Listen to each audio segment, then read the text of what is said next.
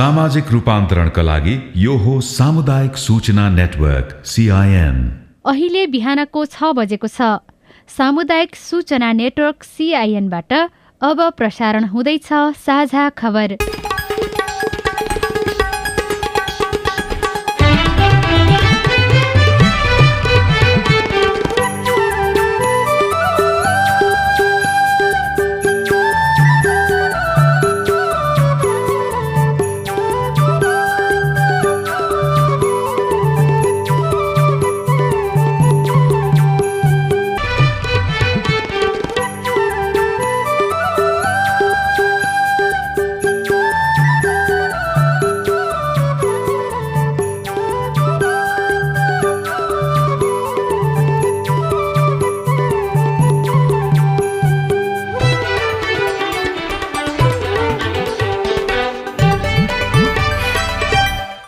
शुभ प्रभात यो सिआइएनको साझा खबर हो। उषा तामाङसँगै लील प्रकाश चन्दको तपाईँलाई स्वागत छ। सामुदायिक रेडियोबाट देशैभरि एकैसाथ प्रसारण भइरहेको साझा खबर सीआईएन खबर डट कम र मोबाइल एप सीआईएनबाट पनि सुन्न सकिन्छ। आज दुई हजार उनासी साल साउन सत्ताइस गते शुक्रबार अगस्त बाह्र तारिक सन् दुई हजार बाइस नेपाल सम्बत एघार सय बयालिस श्रावण शुक्ल पक्षको पूर्णिमा तिथि आज जनै पूर्णिमा रक्षाबन्धन गाई जात्रा ऋषि तर्पणी क्वाती खाने दिन अनि संस्कृत दिवस र अन्तर्राष्ट्रिय युवा दिवस पनि। साझा खबरमा प्रमुख खबरका शीर्षकहरू। सिट बाँडफाँडको आधार र मापदण्डमा सत्ता गठबन्धनमा सैद्धान्तिक सहमति शीर्ष नेताको सिट सुरक्षित गरिने एमालेको केन्द्रीय निर्वाचन परिचाल परिचालन कमिटी गठन। कोरोनाका कारण मृत्यु हुने क्रम बढ्दै दीर्घरोगीले सावधानी अपनाउन विज्ञहरूको सुझाव जनै बनाउने धागो आयात रोकिएन उत्पादन भने बढ्यो तातोपानी नाका बन्द। युवा लक्षित कार्यक्रममा प्रौढहरूको हाली मुहाली ठगी गर्ने पाँच म्यान पावर कम्पनी विरुद्ध मुद्दा मध्य प्रदेशमा चौध हजार साइकल खरिदबारे अख्तियारको चासो। युक्रेनको आणविक ऊर्जा केन्द्रमा फेरि गोली प्रहार। अमेरिकी पूर्व राष्ट्रपति ट्रम्प निवासमा छापा मार्ने आदेश रद्द गर्न अमेरिकी न्याय विभागको आग्रह। जापानमा समुद्री स्तनधारी जनावर डल्फिनले मानिसलाई आक्रमण गर्दै। र बङ्गलादेश विरुद्धको मैत्रीपूर्ण खेलका लागि छुट्टै मुख्य प्रशिक्षक नियुक्त गर्ने तयारी। Franchise football Nepal super league असोज तेइसबाट गर्न एन्फाको अनुमति।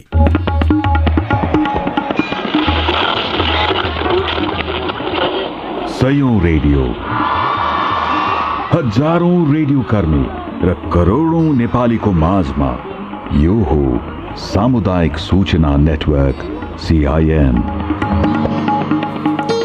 साझा खबरको सबैभन्दा सुरुमा सिट बाँडफाँडको आधार र मापदण्डमा सत्ता गठबन्धनमा सैद्धान्तिक सहमति भएको प्रसङ्ग। निर्वाचन आयोगले प्रदेश र प्रतिनिधि सभाको निर्वाचनको मिति घोषणा गरेसँगै राजनीतिक दलहरू आन्तरिक तथा बहुपक्षीय छलफलमा जुटेका छन्। सिट बाँडफाँडदेखि चुनावी सहकार्यका लागि एकपक्षीय तथा बहुपक्षीय छलफलले तीव्रता पाएका छन्।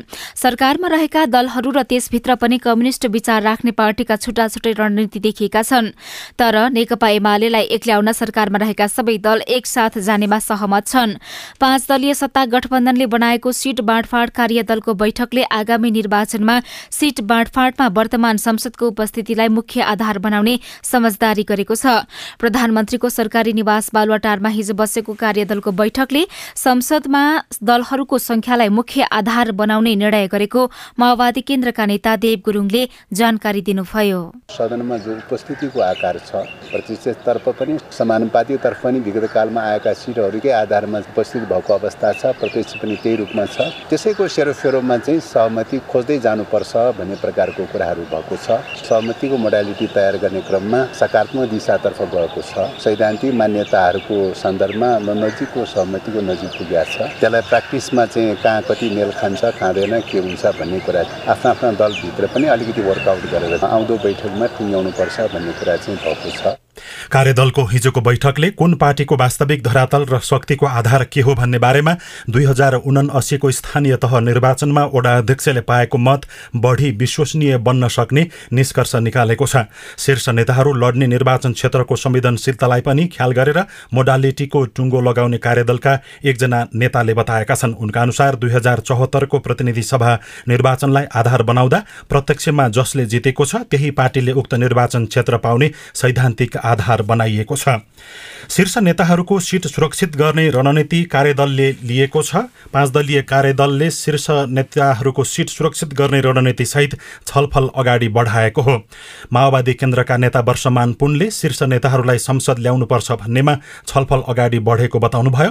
विशेष गरी काङ्ग्रेसका शीर्ष नेताहरू अहिले संसद बाहिर रहेका छन्। जसपक्का पनि केही नेतालाई संसदमा ल्याउनुपर्ने बारेमा पनि छलफल भएको उहाँले बताउनुभयो। जसपाका नेता तथा कार्यदलका एकजना सदस्य रामसहाय प्रसाद यादवले आफ्ना दलमा छलफल गरेर सिट बाँडफाँटको आधार टुङ्ग्याउने पनि बताउनुभयो। मूलत दुई हजार चौहत्तर र दुई हजार उनासीको निर्वाचनलाई आधार मानेर सिट बाँडफाँट गर्ने बारे साझा धारणा बनेको पनि उहाँको भनाइ छ। कार्यदलको अर्को बैठक आगामी सोमबारका लागि तय भएको छ। नेकपा एमाले भने अध्यक्ष केपी शर्मा ओलीको संयोजकत्वमा केन्द्रीय निर्वाचन परिचालन कमिटी गठन गरेको छ। हिजो पार्टी च्यासलमा बसेको केन्द्रीय सचिवालयको बैठकले यस्तो निर्णय गरेको प्रचार विभाग प्रमुख पृथ्वी सुब्बा गुरुङले जानकारी दिनुभयो। आगामी भदौ सात गते पार्टीको स्थायी कमिटिको बैठक गर्ने भएको छ। त्यस्तै नौ गते पार्टीको पोलिट ब्युरोको बैठक हुन्छ। भदौको दस र एघार गते केन्द्रीय कमिटिको बैठक हुन्छ। एक नम्बर निर्णय हो। दोस्रो निर्णय चाहिँ आगामी चुनावको घोषणापत्र मस्यौदा समिति गठन गरेका छ। पार्टी अध्यक्ष केपी शर्मा ओलीको नेतृत्वमा वरिष्ठ उपाध्यक्ष ईश्वर पोखरेल उपाध्यक्ष अष्टसी साक्य उपाध्यक्ष रामबहादुर थापा उपाध्यक्ष विष्णुप्रसाद पौडेल महासचिव शङ्कर पोखरेल उपमहासचिव प्रदीप गेवाली र उपमहासचिव विष्णु रिमाल रहेको आठ सदस्यीय चुनावी घोषणापत्र मस्यौदा समिति पनि गठन गरेका छौँ प्रहरी महानिरीक्षक धीरज प्रताप सिंहले प्रतिनिधि सभा र प्रदेशसभाको निर्वाचन निष्पक्ष हुनेमा ढुक्क रहन आग्रह गर्नुभएको छ। प्रहरी प्रधान कार्यालयमा भएको एक कार्यक्रममा बोल्दै आइजी सिंहले निष्पक्ष रूपमा निर्वाचन सम्पन्न गराउनु प्रहरीको दायित्व भएको भन्दै उक्त दायित्व व्यावसायिक ढंगले पूरा गर्ने प्रतिबद्धता जनाउनुभयो। आगामी निर्वाचनमा परिचालन गर्ने गरी चालिस दिनको लागि म्यादी प्रहरी भर्ना गर्न लागि महानिरीक्षक सिंहको भनाई थियो। स्थानीय निर्वाचनभन्दा चाहिँ केही बढ्छ। सामान्यतया चालिस दिनको लागि अगाडि पनि भर्ना गरिएको थियो म्यादी प्रहरीहरूलाई भने। अहिले पनि त्यो चालिस दिनको लागि म्यादी प्रहरी भर्ना गरिनेछ। र तिन महिना अगाडि भर्ना भएका म्यादी प्रहरीहरूलाई प्राथमिकतामा राखिनेछ। पूर्व सुरक्षाकर्मीहरूलाई प्राथमिकतामा राखिनेछ। त्योभन्दा बाहेकको लागि केही छनौट प्रविधि हुनेछ। र यसमा लाग्ने आवश्यक खर्च तिनीहरूलाई स्थानीय निर्वाचनमा पाएछ र सुविधा सबैले प्राप्त गर्ने नै छन्। त्यो त्यो नै नीति छ। आगामी मंगिर चार गते हुने निर्वाचनलाई लक्षित गर्दै सरकारले चालिस दिनका लागि म्यादी प्रहरी भर्ना गर्ने तयारी गरेको छ। आज जनै पूर्णिमा तागाधारीले बिहान स्नान गरी मन्त्रोच्चारण गरिएको नयाँ जनै फेर्ने परम्परा रहेको छ। नेपालमा जनैको माग अत्यधिक छ तर माग अनुसारको धागो उत्पादन नहुँदा मुलुक आत्मनिर्भर हुन सकेको छैन। नेपालमै जनै उत्पादन गर्न केही उद्योग सञ्चालन भएका छन् तर जनै बनाउन पछिल्लो पुस्ता आकर्षित नदेखिँदा जनैमा आत्मनिर्भरताको लक्ष्य पूरा हुन कठिन देखिएको हो। जनै पूर्णिमाको अघिल्लो दिन हिजो मध्य दिउँसो। चर्को गर्मीको प्रवाह नगरी काठमाडौँको पशुपति क्षेत्रमा भिडभाड थियो। बाटो छेउमा छाताले घाम छेकेर जनै बेच्नेहरू ग्राहक पर्खिरहेका थिए। यो लानुहुन्छ भनेदेखि कति लाने तपाईँ? कि पचास। पचास होइन साठी लाने। त्यही लहरमा भेटिनुभयो काठमाडौँ कागेश्वरीका दीपक चालिसे। उहाँको फुलको पसल छ। तर केही दिन यता फुलभन्दा धेरै जनै बेच्नु परेको छ। मलाई पचास हजार ठिक हुन्छ। पचास पचास कति हो? बैसठी वर्षका दीपकले पशुपति क्षेत्रमै व्यापार गर्न थालेको एक्काइस वर्ष भयो। उहाँका अनुसार बजारमा जनै किनेर लगाउनेहरू वर्षेनी बढिरहेका छन्। एउटा बुटोलमा बन्छ एउटा बिराहनहरूमा बन्छ। बिराहनहरूमा सेतो जनै हुन्छ बटुकले बाटेको। यहाँ बुटोलमा हुन्छ यो खुस्रो खाले। अलिकति मधुरो भएको वेद बन्छ। यज्ञो पवितम परमम पवित्रम। प्रजापतिर्यस नवलपरासी गैँडाकोटका पुरोहित लाल प्रसाद पराजुली ब्राह्मणहरूले सकभर आफ्नो लागि आफै जनै बनाउनु पर्ने बताउनुहुन्छ। यसलाई शुद्धता भन्दा पनि आत्मनिर्भरतासँग जोड्नुपर्ने उहाँको भनाइ छ। मेरो लाइफ बजारमा किनेर कर्म रहन्न। यसमा शिखा हुन्छ प्रत्येक शिखा हुन्छन् आफूले बाँधेपछि धारले शिखा बनाइन्छ। भोलि विधिपूर्वक पुजिन्छ। बल्ल त्यसको जनैको काम गर्छ। मुलुक जनैमा आत्मनिर्भरताको लक्ष्यमा पुग्न नसक्नुको एउटा कारण जनै बनाउन नयाँ पुस्ता आकर्षित नहुनु हो। किनकि लागि नौ किलो सक्नु सक्नु नि त्यो सक्नु चाहिँ गाह्रो पर्छ। एउटा गाँठो पऱ्यो भने तिन घन्टा अलमा ल्याइदिन्छ। बुढेसकालमा मेसो पाइँदैन। अलिकति आँखा पनि कमजोर हुन्छन्। यसैका कारण पनि भारतबाट आउने जनैले पच्चिस प्रतिशत नेपाली बजार ओगटेको व्यवसायी अनुमान गर्छन्। बुटवलमा रहेको राधा धागो उद्योगका सञ्चालक बुद्धि प्रसाद शर्मा। भारतबाट माल आएर मात्रै यहाँ जनै प्रयोग गरिन्थ्यो। कहीँ कतै कतै घरमा बनाउनेहरूले बनाउनुहुन्थ्यो तर बजारमा किन्न पाइने जति सबै भारतबाट आउँथ्यो त्यो गुणस्तरहीन हुन्थ्यो। त्यसलाई देखेर हामीले जनै उत्पादन गर्न सुरु गरेका हौँ। अहिले चाहिँ बाइसौँ वर्ष चल्दैछ। भारतबाट आउने जुन जनैहरू छ त्यसको मार्केट करिब करिब सत्तरी पचहत्तर पर्सेन्ट जति चाहिँ के मार्केट हाम्रै उद्योगले लिएको छ। नेपालमा बाहिरी मुलुकबाट कति जनै आयात हुन्छ यकिन तथ्याङ्क नभए पनि व्यवसायीहरू आयात प्रतिस्थापनको बाटोमा रहेको दावी गर्छन् तर जनै र धागोजन्य अन्य सामग्रीका लागि आवश्यक धागो मात्रै वार्षिक झण्डै एक अर्ब बराबरको आयात हुने गरेको व्यापार तथा निकासी प्रवर्धन केन्द्रको तथ्याङ्कले देखाउँछ। अविनाश आचार्य सिआइएन काठमाडौँ। नेपालमा पछिल्लो समय कोरोना भाइरसको संक्रमणका कारण मृत्यु हुनेको संख्या बढ्दै गएको छ। स्वास्थ्य तथा जनसंख्या मन्त्रालयका अनुसार साउन लागेदेखि दैनिक एकदेखि तीनजनाको दरले कोरोनाका कारण मृत्यु हुने गरेकोमा हिजो पाँचजनाको मृत्यु भएको छ। गत चौबिस घण्टामा पाँचजनाको मृत्यु भएसँगै नेपालमा हालसम्म कोरोनाका कारण मृत्यु हुनेको संख्या बाह्र हजार नजिक पुगेको छ। साउन लागेदेखि बढ्दै गएको कोरोना संक्रमणलाई चौथो लहरको रूपमा लिनुपर्ने र सतर्कता अपनाउनु पर्ने संक्रामक रोग विशेषज्ञ डाक्टर जनक कोइरालाको भनाइ 그래서 अहिलेको जुन कोभिड नाइन्टिनको भेरिएन्ट छ नि त्यसलाई चाहिँ ओमिक्रोन बिए भनेर नाम दिएको छ। धेरै जसो रुगामार्गी लाग्ने ज्वरो आउने हुन्छ तर मृत्यु नै चाहिँ हतपत गराउँदैन। पहिलाको डेल्टाले अल्फाले चाहिँ धेरै मृत्यु गराउँथ्यो। तर कस्तो पनि जसलाई चाहिँ दीर्घ रोगीहरू छन् रोग प्रतिरोधात्मक शक्ति धेरै छैन। त्यस्तो व्यक्तिहरूलाई चाहिँ साह्रो बनाउने र कसै कसैको मृत्यु हुने सम्भावना छ। धेरै जसो मृत्यु भएको चाहिँ यस्तै दमको रोगीहरू अथवा यो मुटुको रोगीहरू त्यस्तोहरूलाई नै देखेको छौँ हामीले चाहिँ। धेरै टेस्ट गरेका छैन त्यसले गर्दाखेरि पहिला जस्तो धेरै देखिएको छैन। धेरै मान्छेहरू घरमै बसेका छन्। चौथो वेब चाहिँ पक्कै पनि हो। चाडबाड भएपछि मानिसहरू काठमाडौँबाट बाहिर जाने अथवा काठमाडौँ बाहिर गएकाहरू काठमाडौँ आउने भन्दाखेरि ओहोर दोहोर बढ्ने भयो। ओहोर दोहोर बढेपछि भाइरस पनि जसले रुगा लागेको छ जसलाई चाहिँ कोभिड भएको छ उहाँहरूले त भाइरस पनि आफू सँगसँगै लिएर जानुहुन्छ। त्यसले गर्दाखेरि घर परिवारलाई भेट्न जाँदाखेरि चाडबाडमा भेट आउँदाखेरि चाहिँ त्यो सावधानीहरू चाहिँ अप्नाइराख्नु पर्यो। तर सरकारले भने औपचारिक रूपमा हालसम्म कोरोनाको चौथो लहर शुरू भएको बताएको छैन। गत चौबिस घण्टामा देशभर आठ सय पन्ध्र जनामा कोरोना भाइरसको संक्रमण पुष्टि भएको छ भने चार सय पैंसठी जना स्वस्थ भएका छन्।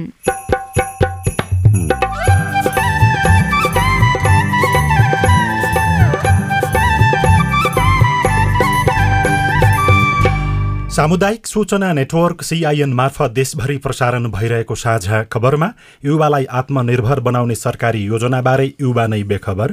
कोषको बारेमा चाहिँ मलाई त्यति धेरै जानकारी छैन। यो उद्यमशील भनेको के हो त्यसको कोष कसरी लिने जानकारी छैन। तातोपानी नाका बन्द ठगी गर्ने पाँच म्यान पावर विरूद्ध मुद्दा। मध्य प्रदेशमा चौध हजार साइकल खरिदबारे अख्तियारको चासो लगायतका खबर बाँकी नै छन्। सिआइएनको साझा खबर सुन्दै गर्नुहोला। मम्मी खाजा। मम्मी मेरो होमवर्क गर्ने कापी। बुहारी एकदम खुट्टा दुख्यो। बुहारी चिया खान मन लागेको थियो। बुढी कपडा मैलो भएछ। अरे मेरो परिवार। भर्खरै सुनेको संवाद तपाईँलाई कस्तो लाग्यो? यही संवादलाई फेरि एकपटक यसरी सुनौ न है। मम्मी खाजा।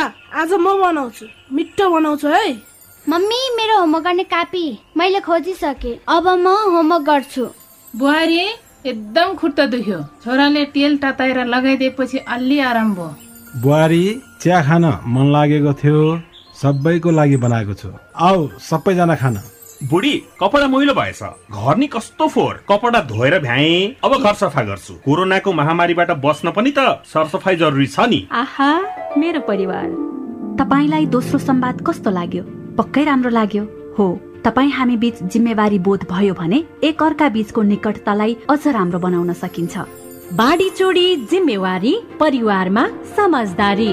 महिला बालबालिका तथा ज्येष्ठ नागरिक मन्त्रालय युएन वुमन ल्याक र अकुराबको सहकार्य।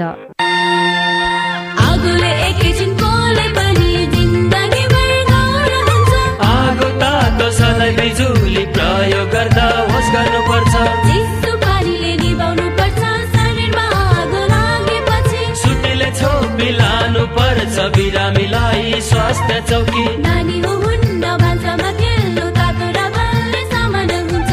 होस् गरी चलाऊ स्टोभ र ग्यास भुइँमा पकाए दुर्घटना बढ्छ। अग्निजन्य दुर्घटना भएमा शून्य एक पचपन्न पचपन्न छ आठ नौमा सम्पर्क गर्नुहोस्। बिबिएस नेपाल ललितपुर। सामाजिक रूपान्तरणका लागि यो हो सामुदायिक सूचना नेटवर्क सिआइएन तपाईँ अहिले देशभरिका सामुदायिक रेडियो सिआइएन खबर डट कम र मोबाइल एप सिआइएनबाट एकैसाथ साझा खबर सुन्दै हुनुहुन्छ। अब बाँकी खबर। चीनको तिब्बतमा कोविड संक्रमण दर बढेको भन्दै तातो पानी र रसुवा गढी नाका बन्द गरिएको छ। खासा क्षेत्रमा अन्ठाउन्न जना कोविड संक्रमित भेटिएपछि तातो पानी सुक्खा बन्दरगाहबाट सामान आयात भएको छैन। तिब्बतमा कोविड संक्रमण दर बढेको भनिए पनि अब कहिले खुल्ने बारे केही जानकारी नआएको तातो पानी भन्सार कार्यालयका प्रमुख नारद गौतमले सीआईएनसँग बताउनुभयो। के कारणले बन्द भयो चिनिया तर्फबाट भन्ने कुरा औपचारिक जानकारी त छैन।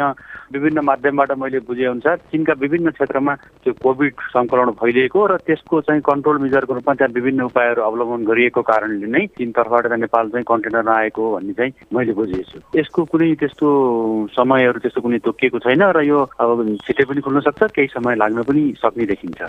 सोनाकाबाट दैनिक चारदेखि आठ कन्टेनर चिनिया सामग्री नेपाल आयात हुँदै आएको थियो। स्याउ मेसिनरी उपकरण रोल कपडा आयात भइरहेका थिए। जुरे पहिरो भूकम्प बाढ़ी पहिरो कोरोना महामारी लगायतका विपदका कारण सोनाका बन्द हुने र खुल्ने हुँदै आएको छ। अब आज काठमाडौँबाट प्रकाशित पत्र पत्रिकाको खबर राजधानी दैनिकको भित्री पन्नामा आज जडे पूर्णिमा आजै क्वाटी नखह र गाई जात्रामा गाईकै अभाव शीर्षकमा छुट्टा छुट्टै खबरहरू छापिएका छन्। नयाँ जनै फेर्दै र रक्षाबन्धन डोरी बाँध्दै आज शुक्रबार जनै पूर्णिमा पर्व मनाइँदैछ। नेपाल पञ्चाङ्ग निर्णायक विकास समितिले यो वर्षको जनै पूर्णिमा रक्षाबन्धन र गाई जात्रा एकै दिन शुक्रबार नै मनाउन अपिल गरेको छ। गाईलाई नगर परिक्रमा गराउँदै र विभिन्न व्यङ्ग्यात्मक प्रदर्शन गर्दै आज शुक्रबार गाई जात्रा पर्व मनाइरहँदा गाईकै नामबाट रहेको यो जात्रामा गाईको भने अभाव देखिएको नवीन लुइटेलले लेख। नयाँ पत्रिका दैनिकमा बेटीका नाममा मधेस सरकारको अनियमितता थप चौध हजार साइकल खरिदबारे पनि अख्तियारले थाले अनुसन्धान शीर्षकमा सुभाष भट्टले खबर लेख्नु भएको छ। मध्य प्रदेशको मुख्य पढाओ बेटी बचाओ कार्यक्रम अन्तर्गत साइकल खरिदमा भएको अनियमितताबारे अख्तियार दुरूपयोग अनुसन्धान आयोगले दोस्रो छानबिन अघि बढाएको छ। साइकल खरिदमा सभा दस करोड़ अनियमितता भएको ठहर गर्दै आयोगले अघिल्लो साता मात्रै प्रदेशका मन्त्रालय सचिव सहित आठजना विरूद्ध विशेष अदालतमा मुद्दा दायर गरेको थियो।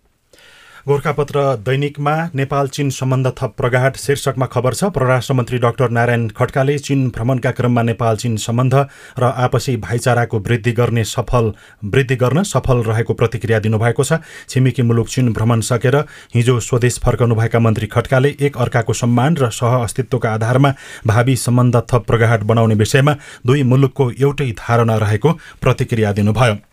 भित्री पन्नामा पाँच म्यान पावर विरुद्ध मुद्दा शीर्षकमा अर्को खबर छ। वैदेशिक रोजगार विभागले पछिल्लो दुई महिनादेखि वैदेशिक रोजगार व्यवसायी म्यान पावर कम्पनी विरुद्ध वैदेशिक रोजगार न्यायाधिकरणमा मुद्दा दायर गरेको छ। विभागले वैदेशिक रोजगार ऐन दुई हजार चौसठीको दफा चौवालिसको अधिकार प्रयोग गर्दै ठगी आरोपमा असारमा तीनवटा र साउनमा दुईवटा गरी पाँचवटा म्यान पावर विरुद्धका मुद्दा वैदेशिक रोजगार न्यायाधिकरणमा दायर गरेको हो।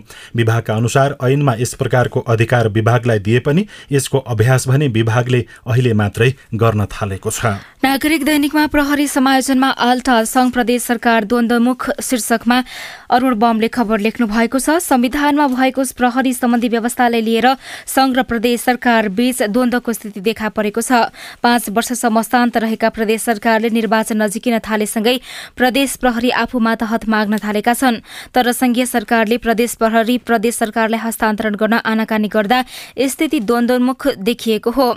संविधान प्रदत्त अधिकार उपयोगका लागि प्रदेश सरकारहरूले उत्कृष्ट चाहना उत्कट चाहना देखाइरहेका छन्। कान्तिपुर दैनिकमा चर्को भन्सार र अन्तशुल्कले छ उद्योग बन्द शीर्षकमा विनोद भण्डारीले विराटनगरबाट लेख्नु भएको छ। सरकारले कच्चा पदार्थको आयातमा लाग्ने करको दर परिवर्तन गरेपछि सुनसरी मोरङ औद्योगिक क्षेत्रका छवटा जीआई वायर उद्योग बन्द भएका छन्। यसबाट झण्डै दुई हजार मजदुरको रोजगारी गुमेको छ। अर्थमन्त्री जनार्दन शर्माले चालु आर्थिक वर्षको बजेट मार्फत एमएस वायरको कच्चा पदार्थमा लाग्ने भन्सार महसुल पाँच प्रतिशतबाट बढाएर दस प्रतिशत पुर्याउनु भएको थियो। अन्त शुल्क पनि प्रति टन दुई हजार पाँच सयबाट बढाई चार हजार पाँच सय रुपियाँ कायम गरिएको छ। साझा खबरमा अब हेलो सिआइएन अविनाश आचार्यबाट। आजको हेलो सिआइएनमा पहिलो प्रश्न हामीले बैतडीको मेलौली नगरपालिका एकबाट लिएका छौँ। मेरो नाम भूपेन्द्र सिंह नेगी हो। मेरो बाबु पैँतिस महिनाको भयो। यो बोल्नु पनि सक्दैन। यसको उपचारको लागि के कस्तो व्यवस्था गरिदिनु पर्यो? बाल विशेषज्ञ डाक्टरलाई सोधिदिनु होला। जवाफ दिँदै हुनुहुन्छ बाल रोग विशेषज्ञ डाक्टर लव कुमार शाह। जाँचेरै पनि हेर्नुपर्छ बच्चाले वास्तवमा बोलेको छ कि छैन भनेर। अनि अरू विकास क्रम पनि के कस्तो छ भनेर पनि हेर्नु पर्यो। बच्चा हिँड्छ कि हिँड्दैन आँखा देख्छ कि देख्दैन यी कुराहरू पनि जाँचेर हेर्नुपर्ने। बाल रोग विशेषज्ञ या कुनै स्वास्थ्य कर्मी जोसुकै भए पनि मेडिकल अफिसर एमबिबिएस डाक्टर साहब अथवा पाएसम्म बालरोग विशेषज्ञ डाक्टर साहबलाई देखाएको राम्रो यसरी फोनमा चाहिँ सुझाव गर्न सक्ने अलिक गाह्रो हुन्छ। नमस्कार मेरो नाम चाहिँ सुभाष श्रेष्ठ म रोसी गाउँपालिका एघारबाट बोल्दैछौँ। यो नागरिकताको विषयमा बुवाको नागरिकता तिनचोटि बनाइसके हुनाले चाहिँ मेरो नागरिकता बनाउनलाई मम्मीकोबाट भन्छ कि के गर्नु पर्ला यसको लागि के जानकारी पाउन? तपाईँको प्रश्न हामीले काभ्रे पलाञ्चोकका सहायक प्रमुख जिल्ला अधिकारी अमरदीप सुनवारलाई सुनाएका छौँ। बुवाको नागरिकता तिनचोटि भनेको चाहिँ नयाँ प्रक्रियाबाट तिनचोटि अलग अलग नागरिकता नम्बर राखेर बनाउनु भएको हो कि? अर्थात् सुरुमा नागरिकता लिइसकेपछि फेरि हराएर अर्को प्रतिलिपि लिएर त्यो पनि हराएर फेरि अर्को प्रतिलिपि लिएको हो भन्ने त्यो स्पष्ट हुन सकेन। र अहिलेको नागरिकता सम्बन्धी कानुनमा वंशजको आधारमा नागरिकता प्रदान गरिने भनिएको छ। त्यसका लागि चाहिँ आमाको नामबाट नागरिकता लिन सकिने अहिले आधार छैन। अब यसका लागि कानुन तर्जुमा भइरहेको अवस्था छ। अहिले चाहिँ बुवाको नागरिकतामा वंशज खुलेर आएको। आमाको नागरिकतामा बुवाको नाम छ भने आमाको शनाखतमा नागरिकता लिन सकिन्छ। मेरो नाम सुरेन्द्र बहादुर साई हो। दैलेख जिल्ला छाँटीघाट गाउँपालिका वार्ड नम्बर पाँच निर्वाचनमा विशेष गरेर दृष्टिविहीन नागरिकहरूले भोट हाल्ने प्रक्रियाको बारेमा कुराहरू उठेको थियो र यस सन्दर्भमा के कस्तो व्यवस्था भएको छ? तपाईँको जिज्ञासा समाधान गर्दै हुनुहुन्छ। जिल्ला निर्वाचन कार्यालय दैलेखका जिल्ला निर्वाचन अधिकारी मनमाया काउचा। दृष्टिविहीनहरूको लागि चाहिँ हाम्रो चाहिँ अब त्यस्तो छुट्टै केही व्यवस्था छैन तर उहाँहरूले चाहिँ आफ्नै एका घरको परिवारको सदस्यलाई लिएर अनि यसमा हालिदिनुहोस् भन्नुहुन्छ र उहाँहरूले सोही चिन्हमा मत सङ्केत गरेर अनि मतदान गर्न सक्नुहुन्छ। त्यो व्यवस्था चाहिँ रहेको छ है। तपाईँ जुनसुकै बेला हाम्रो आइभीआर नम्बर शून्य एक बाहन्न साठी छ चार छमा फोन गरेर आफ्नो प्रश्न जिज्ञासा गुनासा तथा प्रतिक्रिया रेकर्ड गर्न सक्नुहुन्छ। साझा खबरमा अब विदेशको खबर। अमेरिकी न्याय विभागले फ्लोरिडाको एक अदालतलाई फौजदारी अनुसन्धान संस्था एफबीआईका प्रतिनिधिहरूलाई पूर्व राष्ट्रपति डोनाल्ड ट्रम्पको घरमा छापा मार्ने आदेश रद्द गर्न आग्रह गरेको छ। ट्रम्पले राष्ट्रपति कार्यालयको अन्तिम समयमा कतिपय संवेदनशील सरकारी कागजात नष्ट गरेको वा घर लगेको आरोप लगाउँदै एफबीआईले फ्लोरिडा स्थित ट्रम्पको निवासमा छापा मारेको थियो। युक्रेनको जापोरिजिया आणविक ऊर्जा प्लान्टमा थप गोलाबारी भएको छ। युक्रेन र रसियाले फेरि आक्रमणको लागि एक अर्कालाई आरोप प्रत्यारोप गरिरहेका छन्। युरोपको सबैभन्दा ठूलो पावर प्लान्ट कार्यालय र फायर स्टेसनमा दसवटा प्रहार भएको अन्तर्राष्ट्रिय सञ्चार माध्यमहरूले उल्लेख गरेका छन्। र पश्चिमी जापानी सहर फुकोई स्थित कोसिनो समुद्रमा समुद्र स्तनधारी जनावर डल्फिनले पौडी खेल्ने मानिसहरूलाई आक्रमण गर्न थालेको छ। एक डल्फिनले हिजो थप दुईजना पौडी खेलिरहेका मानिसहरूलाई आक्रमण गरेको त्यहाँको स्थानीय सञ्चार माध्यमले जनाएका छन्। जापानी अधिकारीहरूले यस गर्मीमा हालसम्म कम्तीमा छवटा यस्तै किसिमका आक्रमणका घटनाहरू एउटै डल्फिन जिम्मेवार रहेको पनि बताएका छन्। साझा खबरमा अब खेल खबर। अखिल नेपाल फुटबल संघ एन्फाले असोज एघार गते बंगलादेश विरूद्ध दशरथ रंगशालामा हुने मैत्रीपूर्ण खेलका लागि नेपाली राष्ट्रिय फुटबल टोलीको अलग्गै मुख्य प्रशिक्षक नियुक्त गर्ने निर्णय गरेको छ। सात बाटो स्थित एन्फा मुख्यालयमा जारी कार्य समितिको दोस्रो बैठकले एकमात्र मैत्रीपूर्ण खेलका लागि प्रदीप हुमागाईलाई कार्यवाहक प्रशिक्षक बनाउने निर्णय गरेको हो। अमेरिका बस्दै आउनुभएका हुमागाईले एक दशक अघि थ्री स्टार क्लबलाई लीग च्याम्पियन बनाउनु भएको थियो। जेठमा कुवेतमा राष्ट्रिय टोलीले एसियन कप छनौट खेले यता हालका मुख्य प्रशिक्षक अब्दुल्लाह अल्मुताइरी नेपाल फर्किनु भएको छैन। र अखिल नेपाल फुटबल संघ एन्फाले franchise football Nepal super league NSL आगामी असोज तेइस गतेबाट मंगिर दुई गतेसम्म सञ्चालन गर्न दिने निर्णय गरेको छ। पछिल्लो समय ए डिभिजन क्लबहरूले असन्तुष्टि जनाएपछि एनएसएलको आयोजना विवादमा परेको थियो। एनएसएलमा यसपटक दस टीमले प्रतिस्पर्धा गर्नेछन्। युवाका कार्यक्रममा प्रौढ पुस्ताको हालिमुहाली रेडियो रिपोर्ट अरू खबर र कार्टुन पनि बाँकी नै छ। सिआइएनको साझा खबर सुन्दै गर्नुहोला।